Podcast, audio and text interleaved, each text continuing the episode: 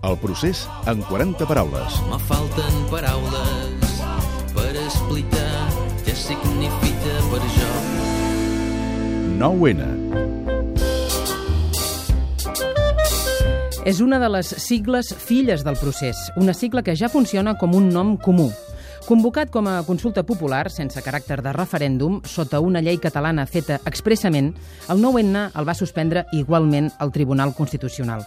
Aleshores, Artur Mas el va transformar en un procés participatiu, més inocu, que ni feia servir la paraula consulta també el va suspendre el TC.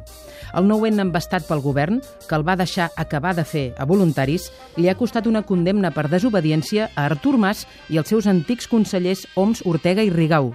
La pregunta a la papereta va ser doble. Vol que Catalunya esdevingui un estat, escrit estat, òbviament, en majúscules? Sí o no? En cas de resposta afirmativa, aquella gent que diu sí, vull que Catalunya es converteixi en un estat, vol que aquest estat sigui independent, sí o no? Van votar 2.300.000 persones. Sí, sí, 1.800.000. Si no, 230.000. No, 104.000. Va ser una demostració de força i d'orgull de l'independentisme i una manera de quantificar-lo.